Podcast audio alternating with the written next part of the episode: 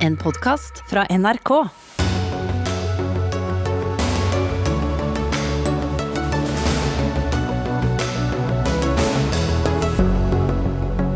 Blir årets stortingsvalg et eh, NM i distriktspolitikk på bekostning av kampen mot forskjellene i byene? Han i han, eller er by fy? Presidentskifte, pandemi og polarisering. Natos generalsekretær får det ikke kjedelig i 2021, men Jens Stoltenberg starter året i Dagsnytt 18. Britenes handelsavtale med EU er bedre enn Norges EØS-avtale, mener Senterpartiet, mens samarbeidspartner Arbeiderpartiet har ingen planer om å kvitte seg med den. Men eh, kanskje en liten utredning? Og skihopperen Silje Opseth tar et oppgjør med alkohol i idretten. Vel, for oss på tribunen er alkohol en vesentlig del av festen, sier fotballsupporter. Ja, da sier vi riktig god kveld og velkommen til Dagsnytt 18 med Espen Aas, der vi også skal diskutere om aviskonsernene er for store i Norge. Men eh, rekk opp hånda dersom du ikke har hørt en rikspolitiker som ikke har vært bekymret for distriktenes fraflytting eller forgubbing i det siste. Men eh, hva med byene der eh, forskjellene og segregeringen øker? For mens en rapport om Distrikts-Norges utfordringer på tampen av året fikk veldig mye politisk oppmerksomhet, gikk en rapport om byene stille forbi. Dette skriver du om i dag, Siv Sandvik, politisk redaktør i Adresseavisen. Og du skriver følgende alarmen fra by- og levekårsutvalget ble stort sett forbigått i stillhet. Hvis dette er riktig, hva tror du er grunnen til det? Jeg tror i hvert fall en viktig grunn til det er at eh, Senterpartiet fosser fram på meningsmålingene. Og i sin iver etter å få velgerne tilbake, eh, så tror jeg vi kan se i, i, valgkampen at eh, de andre partiene snakker såpass mye om distriktspolitikk og utfordringene eh, som er der, at de viktige utfordringene i byene ikke får den oppmerksomheten de fortjener. Og Poenget mitt er jo ikke at distriktene får for mye oppmerksomhet. altså De rapportene som har kommet om utfordringene der, fortjener all oppmerksomhet de kan få dem. Eh, men eh, når vi ser den økende andelen eh, barnefattigdom i enkelte byområder, og spesielt det som går på et antall områder der mange barn bor i fattige familier, øker, og vi på toppen av det hele har en pandemi som forsterker de her fordelene mellom folk og mellom områder, så håper jeg at dette er utfordringer som politikerne kappes om å finne de beste løsningene for i stortingsvalget. Frykter du dermed at det du etterlyser som en vaksine mot forskjeller eh, i eh, byene, da blir, blir ofret eh, for å tekkes velgernes gunst når det gjelder Distrikts-Norge? Det er i hvert fall en, en fare for det, syns jeg, særlig når jeg ser på den oppmerksomheten som by- og levekårsutvalget har fått, og den lite oppmerksomhet da, har fått Eh, målt opp mot dem eh, som så på henholdsvis eh, demografiutfordringer og næringsutvikling i, i distriktene.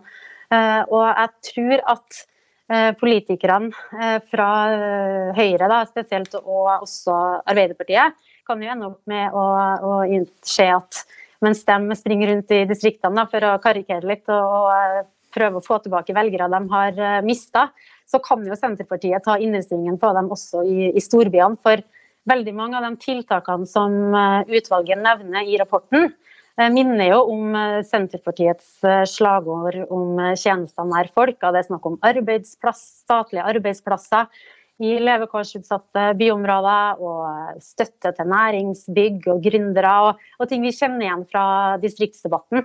Så jeg tror det var en grunn til at Trygve Slagsvold Vedum om mulig flira enda høyere og smila enda bredere Eh, da tidligere mister Grorud for Arbeiderpartiet, eh, Jan Bøhler, ble mister Grorud for eh, Senterpartiet. Mm.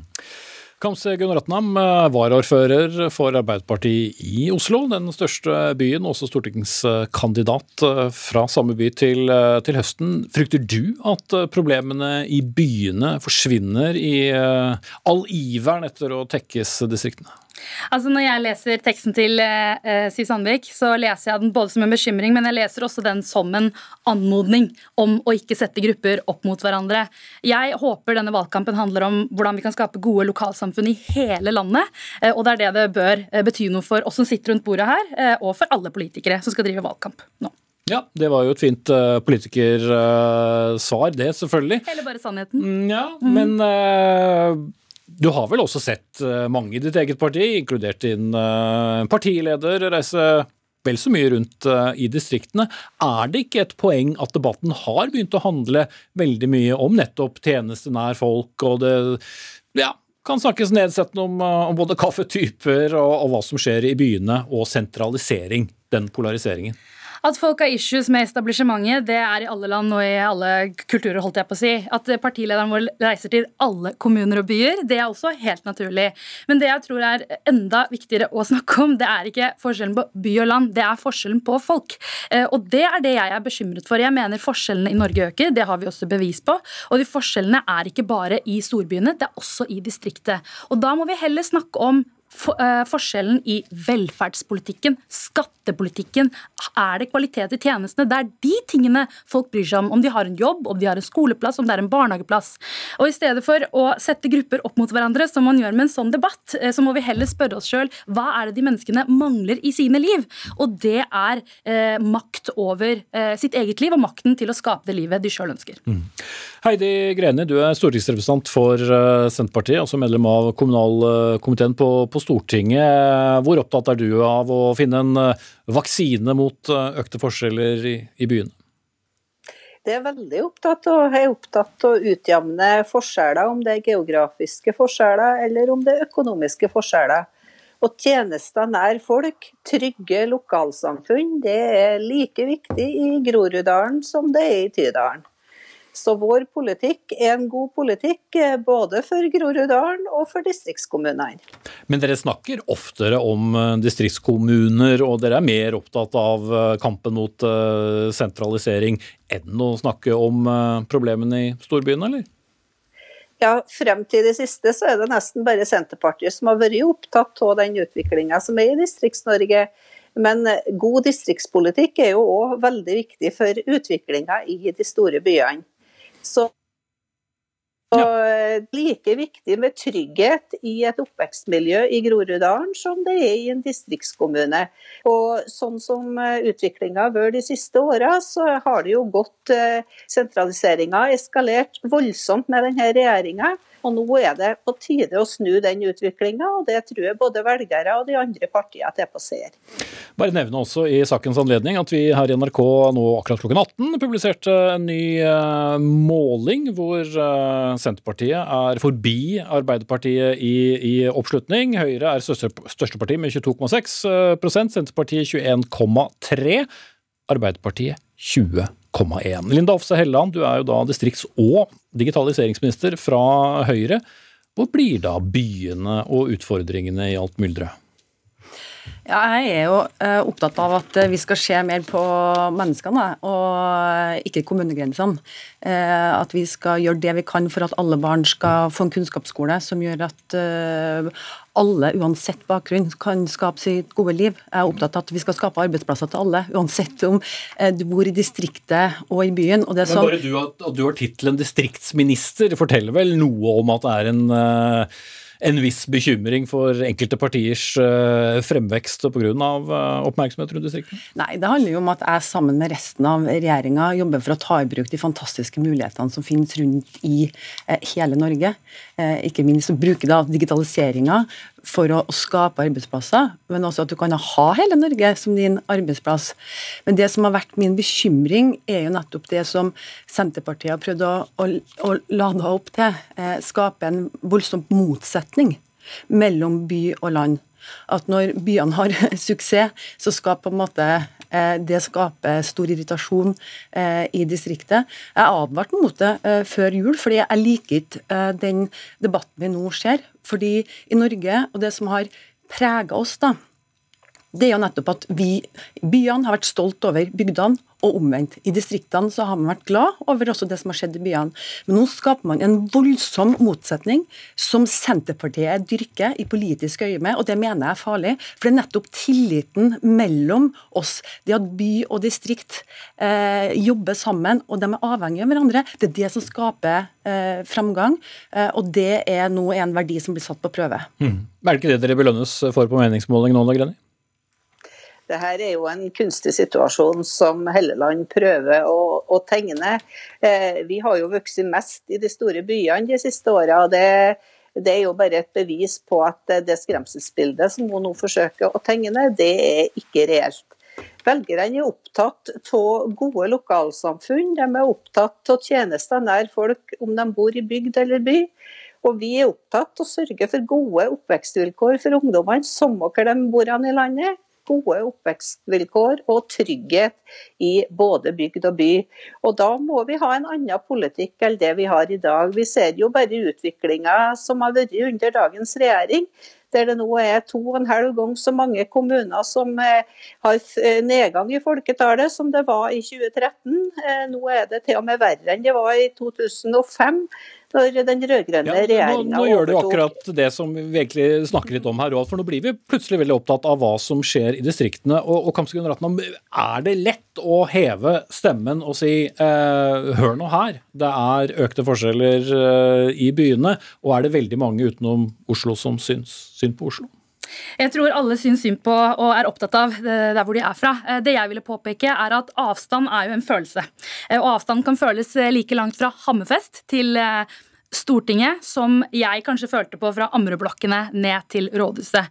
Eh, så jeg mener at, eh, Da må jeg jo sparke mot deg, Linda. fordi jeg mener jo den største forskjellen eh, og den største uroen jeg føler på i samfunnet i dag, det er den økende sosiale ulikheten. Du snakker om Oslo, nei, skolen, og Oslo-skolen brukes ofte som eksempel av Høyre. Det hjelper jo ikke at vi har gode lærere og kvalitet i skolen hvis barn begynner med ulike forutsetninger fordi mor går på kontantstøtte og ikke er i arbeid, og fordi barn ikke er i barnehage og lærer seg norsk før de begynner i skolen. Det er de tingene vi må angripe. Mine foreldre bodde først i Hammerfest, hadde småbarn der, hadde også småbarn i Oslo. Og de var opptatt av de samme tingene i begge byer. Barnehageplasser, skoleplasser, men, arbeidsplasser. Men de som har styrt en by i seks år, har vel også et visst ansvar for å viske ut forskjeller? Har også fått flere barnehageplasser og flere barn i barnehage og færre på kontantstøtte. Og det er det som betyr noe. Helland. Det viktigste vi gjør for å redusere ulikhetene mellom oss, det er å få eh, alle i jobb. Og det er regjeringa sin oppgave nummer én, at folk skal ha en jobb å gå til. Men skal det også det, så må vi sørge for å begynne i skolen og gi alle unger muligheter til det. Like så viktig så er det å bekjempe barnefattigdom, og det har denne regjeringa prioritert. F.eks. nå øker vi barnetrygden, vi innfører fritidskort, vi sørger for billigere barnehager til lavinntektsfamiliene. Så vi gjør masse også i de store store byene. Frykten min er den motsetninga mellom mennesker i byene og distriktene, så Senterpartiet nører opp under. Jo, men samtidig så kommer jo en tidligere Høyre-statsråd, da, Viktor Nordmann, med en rapport rett før jul som sa at uh, hallo, vi uh, holder på å lage et museum av Distrikts-Norge hvor det bare kommer til å bo gamle folk. Så bare Senterpartiet er det vel ikke? Nei, men regjeringa, Det er vi som bestilte to rapporter om distriktsnæringslivet, og også da om eh, demografi og, og, endringer. Hvordan vi skal sørge for at vi i større grad skal få flere som, som ønsker å bo i distriktet, til å bo der, fordi vi ser at der er det masse muligheter for å skape jobber. Eh, og Vi er jo veldig glad for at vi har et kunnskapsgrunnlag nå, og har nettopp gått i gang med å utvikle en ny distriktspolitikk, der vi prøver å tilpasse eh, politikken ut ifra de forutsetningene som ulike deler av landet har, i kysten og i, i fjellregionen. Eh, og Det handler jo om at vi ønsker å se på hva det distriktene kan benytte som ressurs for, for AS Norge, og ikke på en måte skape motsetningene. For vi tror jo at uh, by og land er gjensidig avhengig av hverandre, og at og at det her eh, ligger muligheter eh, for oss alle. Mm, sikkert. Gunnar Atna? Ja, altså, det var det jeg ville si. Det er ikke by og land. Eh, konflikten går. Alle trenger barnehageplasser, skoleplasser, arbeidsplasser. Men ikke sant, alle de tiltakene du nevnte opp mot fattigdom, det var behovsprøvde ordninger. Og vi startet denne debatten med å snakke om det store tillitsnivået i dette landet, som vi har fått til takket være universelle ordninger, små eh, forskjeller mellom folk. Og det går ikke med den skattepolitikken, velferdspolitikken og den økonomipolitikken som dagens regjering fører. Mm. Heidi Greni, hvor viktig er det da for Senterpartiet nå å da hente over Oslo-profilen Jan Bøhler, som da også har sitt, sin østkants- og storbyidentitet. Er det nå en økt profilering mot byen? Senterpartiet har jo bestandig vært opptatt av utfordringene i de store byene. Vi har jo mer enn regjeringa f.eks. til områdesatsing i, i, vårt alternative budsjett. Og det er utrolig viktig å, å, bekjempe de store forskjellene som er i byene. Men var det et ja til at dere var mer opptatt av byene ved rekrutteringen av Jan Bøhler? Vi har bestandig vært opptatt av gode lokalsamfunn, gode oppvekstvilkår og tjenester nær folk, både i bygd og by. Eh, det er kanskje sånn at velgerne først nå har oppdaga den store oppmerksomheten vi har hatt om lokalsamfunnene i byene. Men eh, det er ingen tvil om at å bekjempe ulikheter, om det er snakk om økonomiske ulikheter eller, eller geografiske, okay, er utrolig viktig. Og da er vi nødt til å, sørge for at alle har de ja, samme mulighetene. Det har du gjentatt flere ganger. Jeg vil bare avslutte med Siv Sandvik, som var så bekymret over dette NM-et i, uh, i, distriktspolitikk i, i, valget. Blir det det? Tida vil vise. Jeg skal lære av uh, ting som har skjedd før i norsk politikk, og være sikker på bare én ting, og det at man ikke kan være uh, sikker på noe. Men jeg tror jo at det vi har sett i debatten så langt, viser jo at det har kommet så veldig mange konkrete tiltak på hvordan Eh, man kan minske forskjellene eh, mellom bydeler og skaffe flere gode nabolag for flere utsatte barn i byområdet. Mm. Sikkert er det at opptil flere partier kommer til å mene at de har den beste løsningen etter hvert som vi nærmer oss eh, september. Takk til alle fire. Linda Hofstad Helleland, distrikts- og digitaliseringsminister fra Høyre. Kamse Gunnar Atnam, varaordfører i Oslo og stortingskandidat til høsten. Heidi Greni, stortingsrepresentant fra Senterpartiet, altså politisk redaktør i Adressa, Siv Sandvik.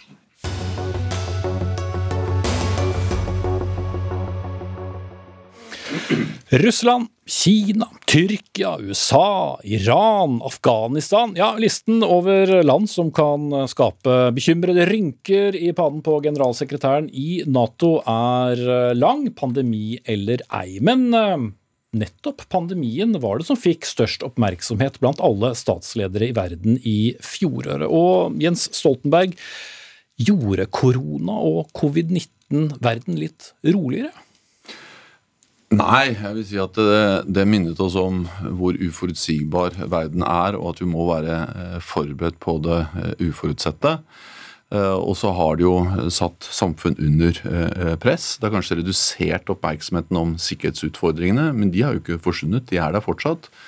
Eh, men naturlig nok så er mesteparten av oppmerksomheten eh, på helseutfordringene. Mm. For vi har snakket mindre om eh, anspent forhold til Russland, til Kina. Midtøsten har fått mye mindre oppmerksomhet, selv land som, som Afghanistan. Har det vært et problem? Nei, det vil jeg ikke si. Og det er helt naturlig at verden har konsentrert seg om en akutt utfordring, en pandemi. Så det syns jeg er helt riktig. Eh, det som eh, er eh, kanskje en lærdom, selv om sikkerhetsutfordringer er noe annet enn den type helseutfordringer, er at det viser viktigheten av internasjonalt samarbeid, av sterke internasjonale institusjoner, både til å håndtere en pandemi og i forhold til fred, sikkerhet, en internasjonal institusjon som Nato. Jo mer usikre tider vi lever i, jo viktigere er det at vi har sterke internasjonale institusjoner. Enten er Verdens helseorganisasjon eller det er Nato. Mm. En som hadde veldig sterke meninger eh, om nettopp disse institusjonene, han får snart eh, flyttebil på besøk eh, i Hvite hus, nemlig Donald Trump. Der blir det et maktskifte. Endrer det mye for deg? Det endrer ikke det grunnleggende, nemlig at USA er eh, en sterk og veldig hva skal vi si, avgjørende støttespiller i eh, Nato. For selv om det har vært mye eh, diskusjon, og selv om det har vært uenighet bl.a. om byrdefordeling i Nato, og selv om president Trump har en annen stil enn mange andre ledere, så har faktisk USA økt sitt militære nærvær i Nato, og USA har stilt opp i Nato. Vi gjør mer sammen Nord-Amerika og Europa nå enn vi har gjort på veldig eh, mange år. Og jeg er helt sikker på at den nye presidenten, president Biden, når han blir innsatt, vil, vil ja, være en, en som er opptatt av å styrke samarbeidet mellom USA eh, og Europa, og det er selvfølgelig det Nato handler om. Mm. Ja, Trump var jo veldig begeistret eh, for deg og kalte deg for sin største tilhenger, og sa at du gjorde en fantastisk eh, jobb. Var det en litt klam klem? Det viktige var jo at han eh, registrerte eh, og eh, satt pris på det som han jobbet med, jeg jobbet med og alle Nato-land jobbet med, nemlig at vi måtte få til en bedre fordeling av byrdene i Nato. Mm. Og det fikk han vel langt på vei til, å, få statsledere til å si at ja, vi skal faktisk forplikte oss mer til forsvarssamarbeid. Ja, men det er viktig å huske at det vedtaket var det president Obama som drev igjennom i 2014 på et Nato-toppmøte i Storbritannia, som du kjenner godt til. Og så ble det fulgt opp i årene etterpå. Og Det gode er å se at alle Nato-land har investert mer. Flere når målet om 2 eh, eh, Og det viktige i forhold til president Trump er at han så verdien av det, anerkjente den framgangen og eh, ble da også mer positiv innstilt til å stille opp og samarbeide med andre Nato-land. Mm. Så den store forskjellen uteblir, selv om det er mye fokus på, på, politiske forskjeller på hvem som sitter i Hvithus? Jo, men Det er klart store forskjeller når det gjelder politikk, i forhold til klima, i forhold til handel, eh, i forhold til f.eks. Eh, Iran-avtalen, altså om, eh, om ødeleggelse av eller om begrensning av deres våpenprogrammer osv. Det, er, det er mange forskjeller. Men i forhold til det kjernespørsmålet som Nato handler om, nemlig at vi stiller opp for hverandre, sikkerhetsgarantiene, én for alle, alle for én, amerikansk militær nærvær i, i, Europa, eh, så har det vært der under president Trump. Eh, og jeg er helt sikker på at det kommer til å bli ytterligere forsterket under eh, president Biden og han tar over. Mm. Noe av det viktigste, og første, eller ikke viktigste, men i hvert fall noe av det første som dere skal snakke om nå, er jo Natos tilstedeværelse i Afghanistan, hvor det må tas vanskelige avgjørelser. Finnes det noen riktig løsning, og i så fall hva? Nei, det finnes ingen eh, i hvert fall enkel løsning og smertefri løsning. Eh, vi må eh, i nær framtid, og første milepælen blir Natos forsvarsministermøte i februar, og så toppmøte i Nato litt senere ut på året, hvor også Biden kommer til Europa og treffer de andre Nato-allierte, så må vi ta stilling til om vi fortsetter å være der militært eller trekker oss ut. Det vil vi gjøre på grunnlag av forholdene i Afghanistan, en vurdering av dem, og hvorvidt vi lykkes i de fredsforhandlingene som nå pågår. Det er mange grunner til å være pessimist og tro at det ikke går, men det er tross alt for første gang nå slik at Taliban og den afghanske regjeringen sitter sammen i samme rom. Forhandlingene startet enn denne uka og prøver å finne en politisk løsning. Og jo mer de lykkes med det, jo mer sannsynlig er det at vi kan forlate Afghanistan. Mm. Men jo mindre press er det også hvis ikke det er Nato-tropper, eller i hvert fall de kan fort endre styrkeforholdet. Altså Vi står overfor et brutalt dilemma. Eh, enten å fortsette å være der og dermed Eh, fortsette å være i en veldig vanskelig, langvarig militær tilstedeværelse, hvor vi snart har vært i 20 år i Afghanistan. Eh, eh, eller å trekke oss ut, men da risikerer å trekke oss ut for tidlig, og så oppleve at Afghanistan igjen blir et oppmarsjområde, et friområde for internasjonal terror. Vi må ikke minst unngå at det kalifatet, terrorkalifatet som IS mistet i Irak og Syria, ikke gjenoppstår i Afghanistan. Eh, og det dilemmaet eh, mellom å enten risikere at det blir et nytt oppmarsjområde for internasjonal terror, eller å fortsette å være der i en veldig vanskelig militær operasjon, eh, det fins ingen enkle løsning på det dilemmaet, men i hvert fall være ærlige om de vanskelige valgene vi står for. Langt øst eh, så har vi det store, rike Kina, som det er stor skepsis til også når det gjelder eh, samarbeid. Det er flere land som f.eks. ikke ønsker Huawei velkommen til å bygge ut 5G-nett. Det gjelder også Norge, Storbritannia, store, viktige land. Hvor problematisk er denne, dette store riket for, eh, for Nato? Altså, det har skjedd noe helt eh, grunnleggende nytt i Nato. og det er at eh, For eh, litt over et år siden så snakket vi nesten ikke om Kina. Vi forholdt oss ikke til Kina. Enkelte Nato-land gjorde det, men ikke Nato som institusjon. Eh, spesielt etter eh, et viktig toppmøte i Nato i fjor høst, har, eh, eller for over et år siden, altså høsten 2019, så har nå Kina blitt et stadig viktigere tema for Nato. Og mye har endret seg, og vi ser også mye mer sammenfallende syn. Nato-land ser problemene med at Kina øker sitt nærvær i Europa. Investeringer i infrastruktur, f.eks. telekommunikasjoner, 5G. I Afrika, i Arktis, vi ser at de utvikler nye langtrekkende våpen. De har snart verdens største økonomi. De har verdens nest største forsvarsbudsjett, de investerer i avanserte militære systemer.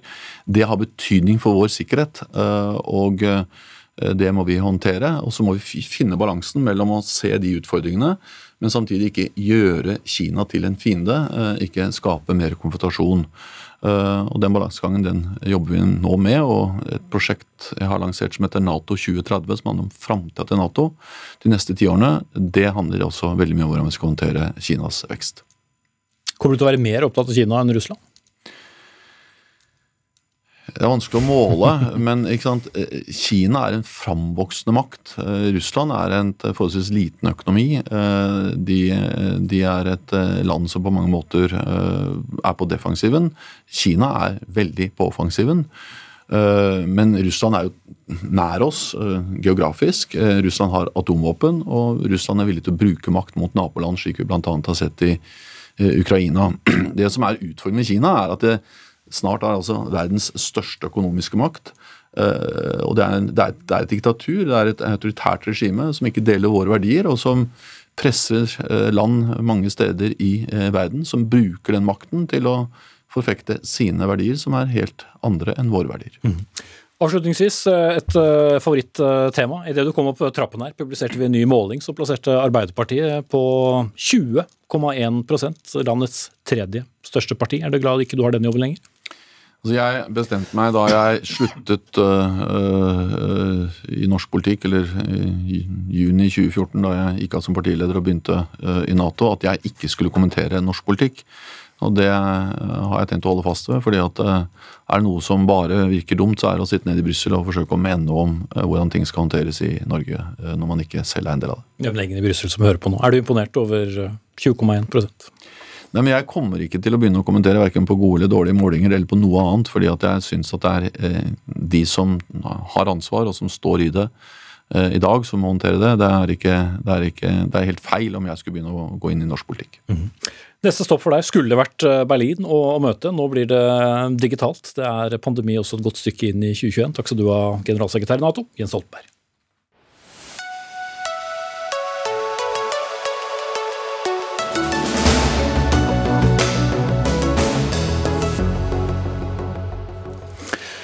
Hører alkohol og idrett sammen? Nei, slett ikke, mener skihopper, som møter supporter senere i sendingen, som mener alkohol fortsatt er en del av festen.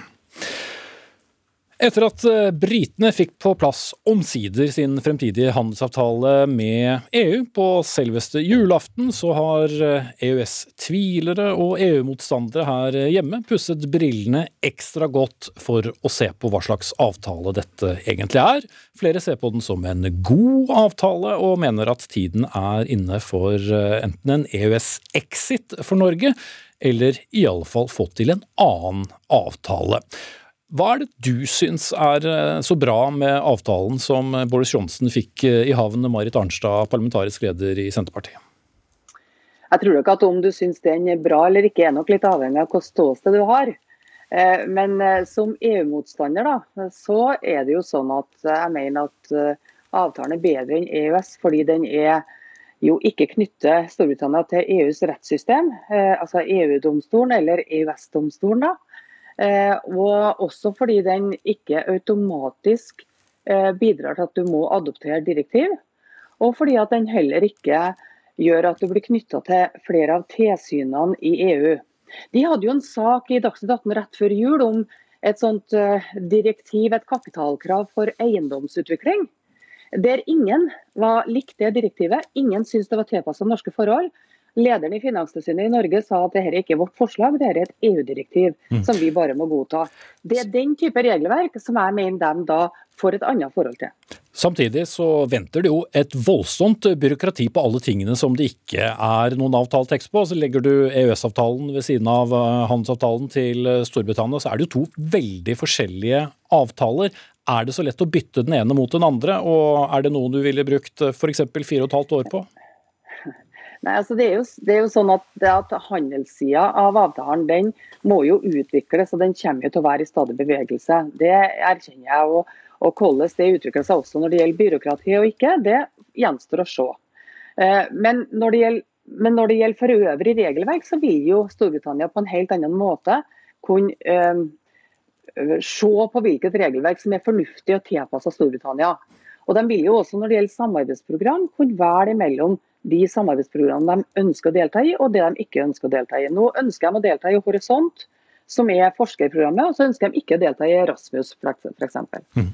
Jonas Gahr Støre, leder av Arbeiderpartiet. Ja, Vi vet jo hva Senterpartiet mener om, om, EØS. De vil eh, ha en utredning på om det finnes et eh, alternativ. Det vil SV. Og jammen eh, er det noen stemmer innad i LO som mener at det også er en god idé. Men en utredning Kommer den til å endre noe på Norges forhold til EU e dersom du leder neste regjering? Altså, Arbeiderpartiet har ikke noe behov for noe utredning for å finne ut at vi er for EØS-avtalen, som siden midten av 90-tallet har sikret norske arbeidsplasser, studenter, forskning, reisende tusenvis av ting vi tar for gitt nå, for vi har like regler. Bør ikke bekymre oss over at noen vender seg mot oss. Det å tjene norske arbeidsplasser, norsk velferd. Vi bør ikke utrede at vi er for det. Det er et godt kompromiss. Mm. Men man kan utrede om den er god nok på ja. en del områder hvor vi overstyres, som eh, Marit Arnstad og andre er opptatt av. Eh, jeg har sagt bestandig jeg er ikke redd for mer kunnskap. Jeg har sagt at dette temaet med handlingsrommet, altså hva kan et land som er med i dette bruke av eget handlingsrom, det bør vi se nærmere på.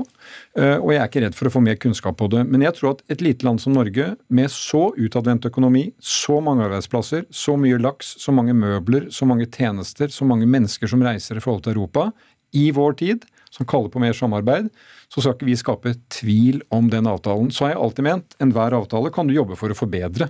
Se på om det er utviklingstrekk i EU som vi må ta høyde for med den avtalen. Det tror jeg det er, fordi EU organiserer seg på nye måter. Mm, for du er ikke så begeistret for jernbanepakke og energidirektiv ble kontroversielt Men jeg vet ikke om du har inngått avtale hvor du er 100% fornøyd med alt. Og det finansdirektivet som Marit nevnte der i sted, nei, det, kan, det kunne vi tenkt oss og klart oss uten. Men vi setter det opp mot alt det dette landet, som har den lange grensen mot Sverige, vår nærme partner, alle landene i Europa, så gir denne avtalen i en tid hvor vi trenger mer samarbeid. Den gir oss sikkerhet, forutsigbarhet, eh, som gjør at eh, den tjener Norges interesser, og derfor er Arbeiderpartiet for. Mm. Marit Arnstad, én ting er å reforhandle en avtale med verdens femte eller sjette største økonomi, litt avhengig av når på året du ser på, på landet. Noe annet er å skulle reforhandle en, en veldig komplisert avtale som EØS-avtalen. Tror du det ville være mye EU hadde å gi ved dørene? Ja, altså, jeg tror at eh, Det første en burde gjøre, er jo å utrede om det finnes alternativ som en fra norsk side eh, kunne gå videre med. Og Det er jo det som på en måte vi har sagt i etterkant av brexit, at brexit aktualiserer behovet for en uh, utredning om alternativene til EØS. Fordi brexit og handelsavtalen som Storbritannia nå har fått, sikrer jo mye, veldig mye av det som Jonas Gahr Støre sier når det gjelder handel med varer, handel med fisk, handel med Eh, del, god del tjenester. Altså, altså, det meste av det er jo faktisk sikra ved brexit. Og jeg er veldig enig i at det å ha et fritt varebytte er viktig for Norge i samarbeid både med EU-land, men også med andre land i verden. Mm, større. Nå er jo poenget det at uh, Selv med denne avtalen så må britene følge EU-standard. De kan ikke gå lavere på miljø, helse, sikkerhet. Uh, og det som du sa innledningsvis, det blir et veldig byråkrati å organisere det. Det vil ta tre-fire år å se hvordan det virker. Dette er en avtale som ikke omfatter tjenester. Hva er tjenester? Det er bank, finans, forsikring. Veldig mye av det som dominerer dagens økonomi, og veldig mye av britisk økonomi. Stor usikkerhet på det. Så uh, her er det jo en, en, en avveining. Hva tjener våre interesser? Og det å gå gjennom hva brexit betyr, det tror jeg vi trenger litt tid på. fordi at den, den avtalen er altså på Jeg vet ikke om Marit Arnstad har lest alle 1200, 1500, 1700 sider, pluss alt det den ikke omfatter. Vi må se den i praksis. Og jeg er opptatt av at vi kan lære av det. Men jeg, jeg tror jeg er ganske sikker på at den type avtale, slik den ble til, ikke er god for å tjene Norges interesser med all vår eksport og all vår avhengighet av Norden og Europa. Mm. Og, og Marit Arnstad, nettopp måten den ble til på, det var jo kniven mot uh, strupen fordi Storbritannia hadde bestemt seg for å gå ut av EU. Hvor reell kan en sånn utredning bli? Det er jo mange innrømmelser du ikke ville fått der, som du kan få uh, når du sitter uh, på ja, etter fire og et halvt år og forhandler. Jo, altså det er klart at Storbritannias forhistorie her er jo helt spesiell. Eh, og Deres forhold til EU er jo også annerledes enn vårt, så det må man jo ta i betraktning. Jeg tror faktisk at det kanskje kan være vanskeligere å å være den som på en måte går ut av et medlemskap, enn den som forandrer karakteren på en handelsavtale eller et handelssamarbeid. Eh, og så synes jeg det er Noe som er veldig interessant i brexit-avtalen, det er jo at deres eh, si, paragraf for mottiltak dersom det blir ubalanse, er nesten likelydende med vår vetorett. Men mens vi da oppfatter vår vetorett som en slags sånn sanksjon eller noe som ikke kan brukes i hele tatt, så er dette regelen i brexit-avtalen åpenbart noe som skal kunne brukes, og der mottiltak skal begrenses sånn at avtalen for øvrig fungerer.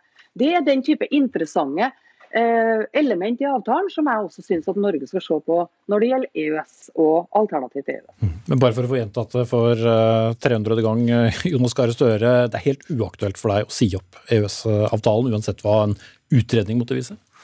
Ja, er, altså Skal Arbeiderpartiet ta regjeringsansvar? Det søker vi å gjøre, og gjerne med Senterpartiet. Vi har gjort det før. Vi har hatt litt ulikt syn på dette. Vi kan ha syn på de enkelte sakene som kommer fra EU, men for, jeg kan gjenta det, for Arbeiderpartiet, Nato-medlemskapet, EØS-medlemskapet og en ansvarlig økonomisk politikk, det ligger til bunnen. Det er ikke noe alternativ. Men som jeg sier, du forholder deg ikke passivt til en avtale. Og det kommer til å komme utfordringer, muligheter. Det store klimaskiftet vi skal igjennom, vi er en del av det sammen med Europa, kommer til å komme mange oppgaver, utfordringer og ikke minst muligheter. De må vi søke sammen med de vi er nærmest. Europa, Norden. Vi har mange kanaler for det gjennom EØS, og de må vi bruke maksimalt, ikke trekke oss ut av det. Mm. Kjetil B. Alsheim, dere har også vært opptatt av uh, Storbritannias uh, skilsmisseavtale med, med, EU, og i en kommentar du skrev, så var overskriften 'Brexit, ikke prøv dette hjemme'. Hvorfor denne advarselen? Jeg tror det ville vært en, en dårligere avtale for, for Norge. For uh, nordmenn som vil ut og arbeide eller uh, bosette seg fritt i Europa, eller, og ikke minst for norsk næringsliv. Bare se på den veterinæravtalen, som er veldig viktig for hele sjømatsektoren. Britene har ikke noen sånn veterinæravtale lenger, og da får du problemer på grensen. Du får forsinkelser. og det å få forsinkelser for en eh, død laks eller død skrei, det, det, er ikke noe godt. Den bør fram til markedet så fort som mulig. Mm. Samtidig så kommer jo den debatten som egentlig EU da ville unngå med å gjøre det så vanskelig som mulig for britene å gå ut. At man begynner å, å se hva slags innrømmelser fikk vi her. Eh, hvor Senterpartiet og SV står i forhold til både EU og EØS vet vi jo, men så har vi jo da også eh, innad i ganske mange andre partier, også i fagbevegelsen, eh, i alle fall fått eh, en debatt mener du det kommer til å flytte på seg? Hvis du ser på den målingen som Nasjonen og Klassekampen hadde nå i høst, så er det jo et eh, solid flertall for EØS-avtalen i befolkningen. Og selv blant Senterpartiets velgere så er det et flertall for EØS-avtalen, og blant SVs velgere også. Så, så, den står jo i hvert fall trygt, hvis du ser på hva velgerne mener. Mm. Men de er jo ikke spurt om hva de synes om en annen avtale, de er jo spurt om EØS-avtale eller ingenting. Ja, altså jeg, jeg, tror at en europautredning, ny europautredning ville vært en god idé. Det er eh, elleve år siden eh, den forrige utredningen ble satt i gang. Det er eh, ni år siden den utredningen kom på bordet. Og i den perioden er det jo skjedd mye. Det har skjedd mye i Europa, men ikke minst skjedd mye internasjonalt med, med Kinas rolle. Hvordan skal, skal europeiske land forholde seg til Kina, både samarbeide med Kina og samtidig verne våre strategiske interesser og, og demokratiske verdier. Hvordan skal uh, europeiske land forholde seg til de store digitale selskapene? Hvordan skal man verne personvern, altså datasikkerhet, for innbyggerne i Europa? Hvordan skal man sørge for at disse selskapene betaler skatt? Hvordan skal man sørge for at det, det, blir konkurranse på de områdene? Så det er jo mye å utrede om Norges forhold til Europa, og et av alternativene er jo da å melde seg inn. Mm. Ja, uh, Marit Arnstad, uh, vår måling som kom nå klokken seks, uh, viser jo et sterkere Senterparti enn et Arbeiderparti. Hvor mye skal dere presse på denne saken? Altså, jeg tror at Hvis vi skulle komme i regjering i lag, så får vi interessante diskusjoner omkring det her. Eh, men Senterpartiet ønsker, seg, Senterpartiet ønsker seg ingen ny europautredning. Det er ikke det vi ønsker oss. Vi ønsker oss en utredning om alternativene til EØS. Og så ønsker vi også at du for alvor, for en gangs skyld, etter 20 år, ser skikkelig på de, eh, de mulighetene som, som, tross alt ligger i avtalen, og som Norge nesten aldri har brukt, f.eks. vetoretten. Mm, større. Nei, altså Det å bruke handlingsrommet vårt, se på det. Jeg var selv ansvarlig for å sette i gang den europautredningen. Den kan se på alternativer. Jeg ser Fellesforbundet sier at når de skal se på alternativer, vil de også ha utrettet EU-medlemskapet. Og det at vi har en levende debatt om Europa, det tror jeg er bra. Jeg tror Hvis jeg skal gjette, så tror jeg at eh, diskusjonen kommer til at EØS-avtalen er jammen meg ikke så dårlig som et kompromiss. Det er vanskelig å, å elske en handelsavtale eh, og en frihandelsavtale som dette, men den er jammen ikke så dårlig. Og ser vi på hvordan den har ivaretatt Norges interesser, arbeid, velferd, samarbeid med Norden og Europa, så har den jammen ikke gjort en dårlig jobb. Mm. Dere får i hvert fall noen interessante samtaler, som Marit Arnstad sa. Takk skal dere ha, Jonas Gahr Støre, leder av Arbeiderpartiet, Marit Arnstad, parlamentarisk leder i Senterpartiet, og Kjetil B. Alsheim, politisk redaktør i Aftenposten.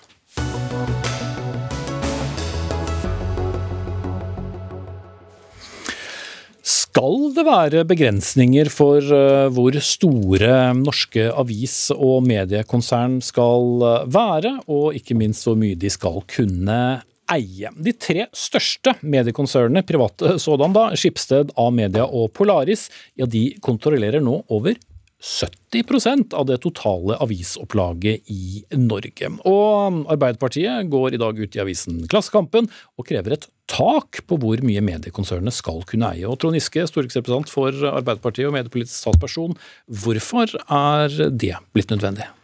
Det er nødvendig for at vi ønsker et mangfold i mediene. Det er en demokratisk infrastruktur eh, for eh, meningsbryting, debatt, eh, kritisk journalistikk, nyhetsformidling. Og det er en litt viktigere sektor enn at den bare kan konkurreres etter penger og konkurranselov alene. Den handler om Eh, noe som er helt fundamentalt for ytringsfrihet eh, i et åpent, demokratisk samfunn. Mm. Mange er vel helt sikkert også enig i det, men frem til 2016 så var det nedfelt da i medieeierskapsloven at eiergrensen skulle være på 33% Nå vil dere da eh, gjeninnføre et tak da på 30 markedsandel. Hvorfor er det riktig sted? Ja, Det var 30 vi sa da vi behandla saken i Stortinget i 2016 og eierskapsloven ble avskaffa. Eh, om det er 30 eller 33% det er ikke det viktigste, men at ikke ett enkelt konsern skal få stor, for stor og dominerende posisjon, det mener vi er viktig nettopp for å ivareta det mangfoldet av meningsbryting, av eh, ståsteder, av dekning, av innfallsvinkler. Eh, får vi en mer ensretta og ensidig og maktkonsentrert presse, så blir det demokratiske samfunnet fattigere. Mm. Men du mener da at uh, dette vil da Altså det er, det er, en reell fare for at det blir for toppstyrt av et uh, konsern, og ikke i, i like stor grad uh, styrt av lokale redaktører? Ja, du kan si at Formålet med en mediemangfold er jo at du skal ha redaktører og redaksjoner med ulik innfallsvinkel, med kanskje ulik eh, profil på hvem som slipper til i debatt. At du har muligheten, hvis du ikke kommer til en Skipsted-avis, å komme til en annen avis med innlegget ditt. At man ser saker fra ulikt hold. Det er jo noe som ja, nesten alle vestlige samfunn er opptatt av. Mange har også eierskapsrestriksjoner innenfor mediesektoren. I USA var det f.eks. lenge ikke lov å eie en TV-stasjon og en avis i samme dekningsområde, nettopp for å få den type mangfold. Mm. Og Vi mener at det ikke reguleres nok av konkurranseloven, for den bryr seg om penger og konkurransesituasjonen på det. Mediesektoren er noe mye mer enn bare eh, ren børs. Et konsern som nærmer seg eh, denne grensen på 30 eh, er jo dere i A-media, konsernsjef eh, Anders Oppdal. Men det som Giske snakker om, kaller du for full skivebom. Hvorfor det? Altså, først og fremst er jeg jo glad for at eh, Trond Giske og Arbeiderpartiet eh, engasjerer seg i mediemangfold. Det er et engasjement som vi uh, deler i høyeste grad. Um, Men ikke gjøre noe med hvor mye dere kan eie av markedet? Altså Poenget er at uh, det er en grunn til at den gamle medieeierskapsloven ble, ble fjerna. Det å bruke opplagsenheter i et klassisk avismarked som en pekepinn på i hvilken grad en aktør er dominerende sitt mediemarked, det er, det vil jeg si en ganske arkaisk tilnærming. Um, det? Har skjedd en sammensmelting. Ja, det har skjedd en sammensmelting både teknisk og innholdsmessig de siste, de siste årene. Det er forsterka etter at denne loven, loven forsvant, som, som, endrer bildet. Vi befinner oss i dag i en global mediekonkurranse. Vi befinner oss i en nasjonal mediekonkurranse med kringkastere, med andre typer innholdsleverandører. Og Ser du da uh, dette regnestykket i det nasjonale markedet, så er det slik at uh, A-media rent økonomisk representerer 11% av det nasjonale markedet.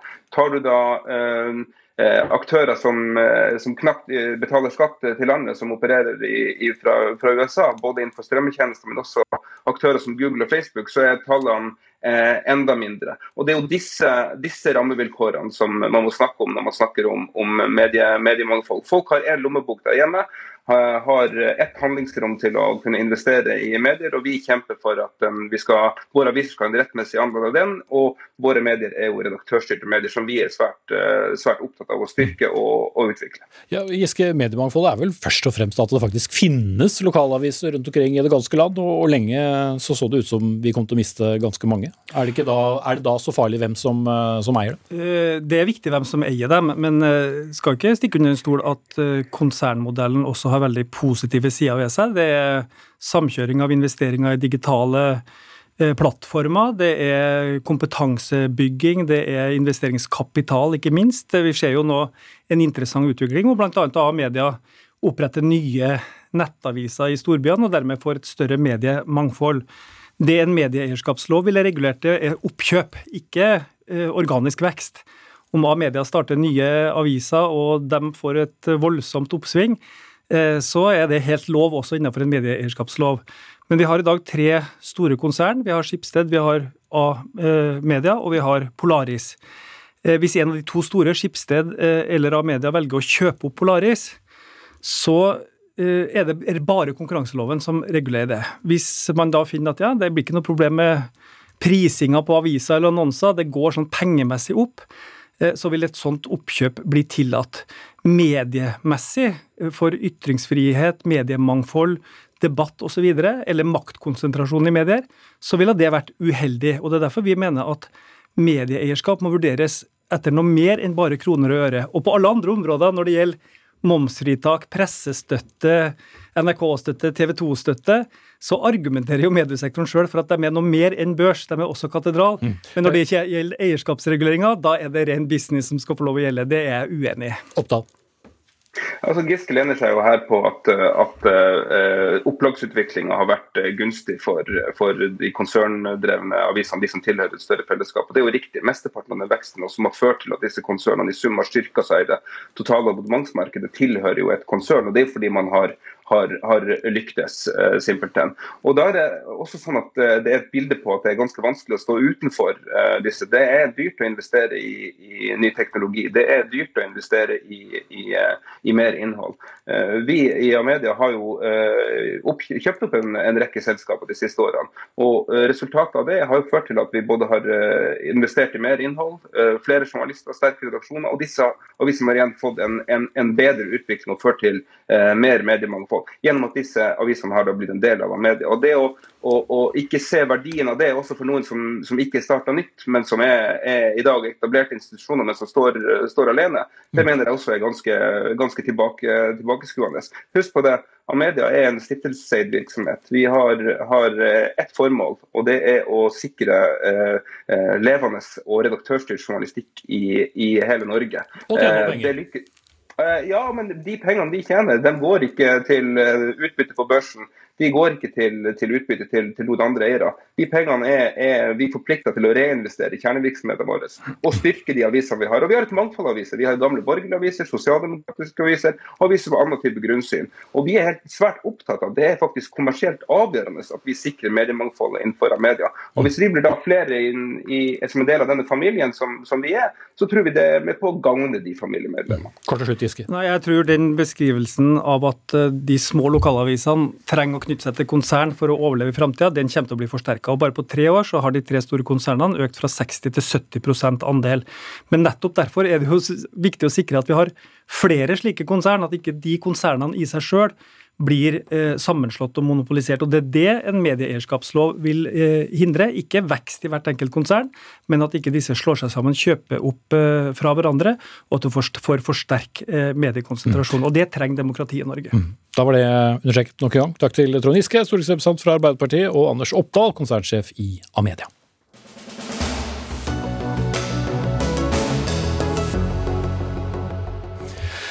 Idrett og alkohol eh, hører ikke sammen. Det høres kanskje ut som å slå inn en vidåpen dør, men det må tydeligvis gjøres. Og en som eh, har sagt eh, disse ord igjen, er deg, skihopper Silje Opseth, i en sak som sto på nrk.no i dag. Du er verdiambassadør for kampanjen Idrett uten alkohol, og du undrer deg over at ikke flere tar ditt standpunkt.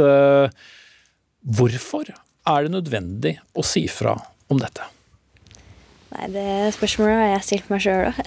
Hvorfor skal jeg trenge å si fra om noe som burde være så åpenbart? Eh, men tydeligvis så må det tas opp gang på gang. Mm.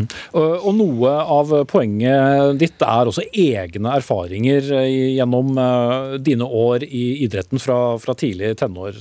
Forklar kort det. Eh, jo, det er jo Da jeg var i 14-15-årsalderen og var på samling, med, samling og konkurranser med teamet mitt uh, den gang, så opplevde jeg jo stadig vekk at uh, både trenere og og foreldre til utøverne tok seg ja, mer enn et glass eh, eller to om kvelden. Eh, og at det kunne få negative konsekvenser for, for utøverne som eh, skulle prestere på idrettsarenaen. Mm. Og det, ja. Ja og I dag er du 21, så det er jo ikke snakk om at dette er mange år siden. Nei, det er jo ikke det. Det er ikke så lenge siden, og det skjer jo i dag òg, så det er jo ikke noe nytt. Sportskommentator her i NRK, Jan Petter Saltvedt. Du kaller Oppsetts uh, utspill her modig gjort. Hvorfor er det modig å si fra om uh, alkohol og, og, idrett? Hun går jo på sine egne. Det i seg selv er nok til å skape en motkraft. Og så er det noe med å være en stemme først for unge, som sjelden føler at deres stemme blir ivaretatt innen diskusjoner rundt idretten. Og det her er jo en problemstilling som helt sikkert eh, mange unge utøvere i mange idretter har vært eh, eksponert for. Og så er det alltid en fare, tror jeg, for idrettsutøvere som tør å engasjere seg, eh, at det krever mye av dem.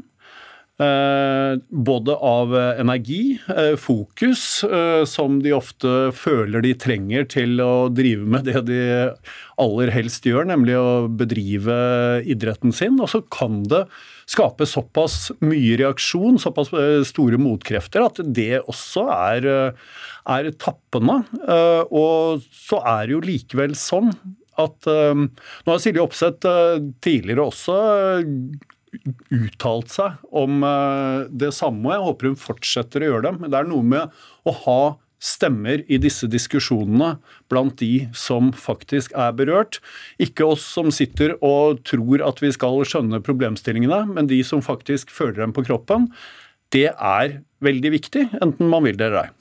Men samtidig, det må vel gå en grense. Altså, idrett er jo uh, også uh, fest når det er store mesterskap i en by, eller om det er fotballkamp, enten det er Premier League eller i, i langt lavere hjemlige divisjoner. Så vil jo folk feire. Skal, skal det være helt alkoholfritt? Og så går det selvfølgelig et skille mellom hva idrettsutøvere må måtte oppleve i sine unge år, og, og hva som er tribunefest. Ja, akkurat det siste tror jeg man må nyansere litt grann, hvordan eh, man som ansvarlig eh, leder, eh, forelder, overfor barn på samlinger i konkurranser oppfører seg, og hvordan barna føler at de blir ivaretatt der, og det, det man gjør på tribunen og rundt tribunen. Og Silje Opseth har jo nevnt eh, folk som er så fulle på tribunene at de nærmest faller over gjerdet for å prøve å ta på sine helter. Jeg skulle komme helter. til det, Silje Opseth, for du har ikke hatt bare hyggelige opplevelser av, av alkohol på, på tribunene heller? Nei, jeg må jo si det. Det har jo vært eh, litt av hvert jeg har vært borti. Eh, det er ikke, kjempe, det er ikke en kjempegod opplevelse når du opplever at folk fra publikum strekker seg etter deg og prøver å få kontakt med deg og skriker etter deg heller. Det, det er helst de tinga der jeg vil luke bort. Mm. Men skal det være helt slutt på fest når det er store idrettsarrangementer? Det jeg mener, er jo at uh, idrettsarrangementer er jo en folkefest, og det er en idrettsfest uh, der man skal ha fokus på det idrettslige. Uh, og i mitt hode så går ikke idrett og alkohol det, det, hører rett og slett ikke sammen. Så for min del så skulle jeg helst ha sett det, eh, men så skjønner jeg jo også at det finnes eh, grenser for hva man skal, eller ja, hvor langt man skal gå. Og eh, ja, det kan jo hende at man må, man må komme med et kompromiss og finne en gyllen middelvei. For at det er god stemning og fest på tribunene, vet vi jo. Erling eh, Rostvåg, talsperson i Vålerengas eh, supporterklubb. For deg og andre supportere så er da, ja, særlig fotball, da, men idrett ellers og alkohol også noe som hører sammen. Hvordan ville festen blitt uten alkohol? Eh, vi skulle nok eh, klart å lage liv. Det er ikke sånn at alle på tribunen er, eh, er fulle hver gang det er kamp. Eh, men i hvert fall særlig knytta til fotballen, så er det en, en viss pubkultur, da, vil jeg si. Eh, knytta til før og etter kamp. Eh, og det er nok ikke til å stikke under stol at, at flere tør å hva skal jeg si, gi jernet, starte sanger og sånn hvis de har en ørliten promille. Eh, men bare så det er sagt, så er ikke jeg noe jeg er ikke noe uenig eh, i, i, i Siljes påstand her om at, eh, om at det er feil av ledere å, å drikke sammen med barna sine på stevner og sånn. Men, men det er kanskje et litt vel drastisk valg å, å fjerne alkoholen 100% fra alt som har med idrett å gjøre. Mhm. Men det er jo også en debatt som, som kommer opp, for hvor lyst har man til å ha med sine håpefulle på eh, fotballkamp for å ja, ikke bare høre alle disse sangene du er innom, men du får fort eh, høre en del eh, andre ord som ikke man normalt sett hører på, på barneskolen, f.eks. Ja, dette med språket er jo en, en debatt i seg sjøl. Men det, den lar seg håndtere ganske greit, faktisk, med å ha samtaler med barna om, om kontekst. Men når det gjelder alkohol på tribunene da, som et alternativ, så er det noe som har vært aktualisert relativt nylig i debatt, og, og hvor en del er for og en del er imot. Eh, Og der tror jeg kanskje det viktigste man gjør, er å gjøre det mulig å komme på arenaen uten å stå sammen med masse folk som står og drikker. Eh, og, at, og vi har jo allerede på norsk fotballarenaer i dag, i hvert fall de, eh, de fleste i toppdivisjonen, eh, egne familieseksjoner og sånn. Eh, det er ikke noen grunn til å begynne å, å, presse halvlitere på publikum der. Eh, Nei, Jan Petter Saltvedt, det er jo ikke, noe, det er jo ikke noen enkel løsning her, åpenbart. Det er jo derfor vi stadig diskuterer idrett eh, og alkohol. Men går det an å begynne et sted? Fordi det er vel ikke noe folkekrav om at eh, unge idrettsutøvere som en dag skal bli våre aller beste, skal måtte oppleve det som eh, Silje Opsø skriver om? Nei, eh, det skal de heller ikke. Og så er det samtidig sånn at eh, både hopp og fotball og flere andre idretter eh, lever av å også være underholdning. Og ha et konsept som eh, inneholder at folk vil bruke dette som en arena for ikke forlystelse, men for engasjement.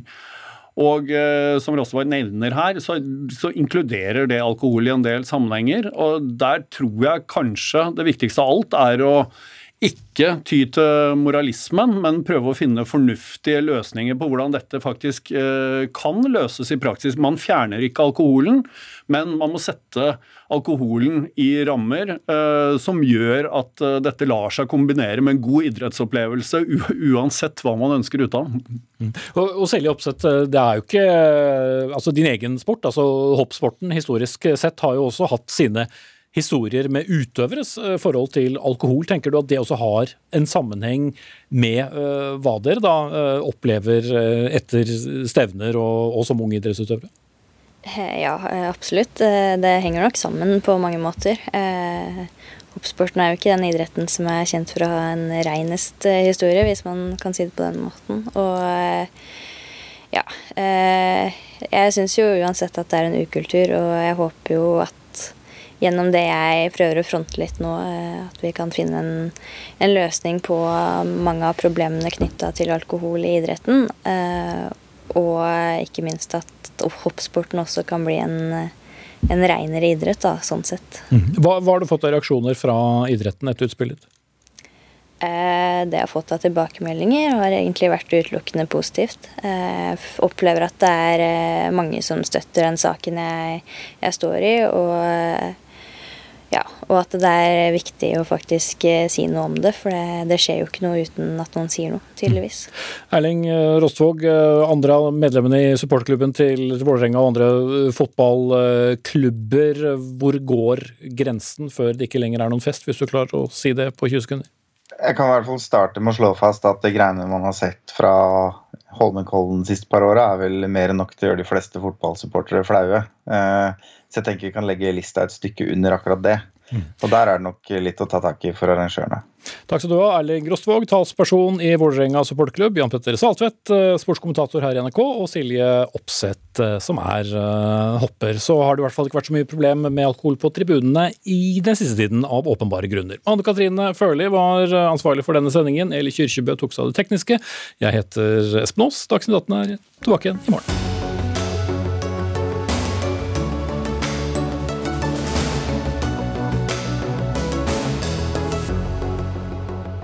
Du har hørt en podkast fra NRK. Hør flere podkaster og din NRK-kanal i appen NRK Radio.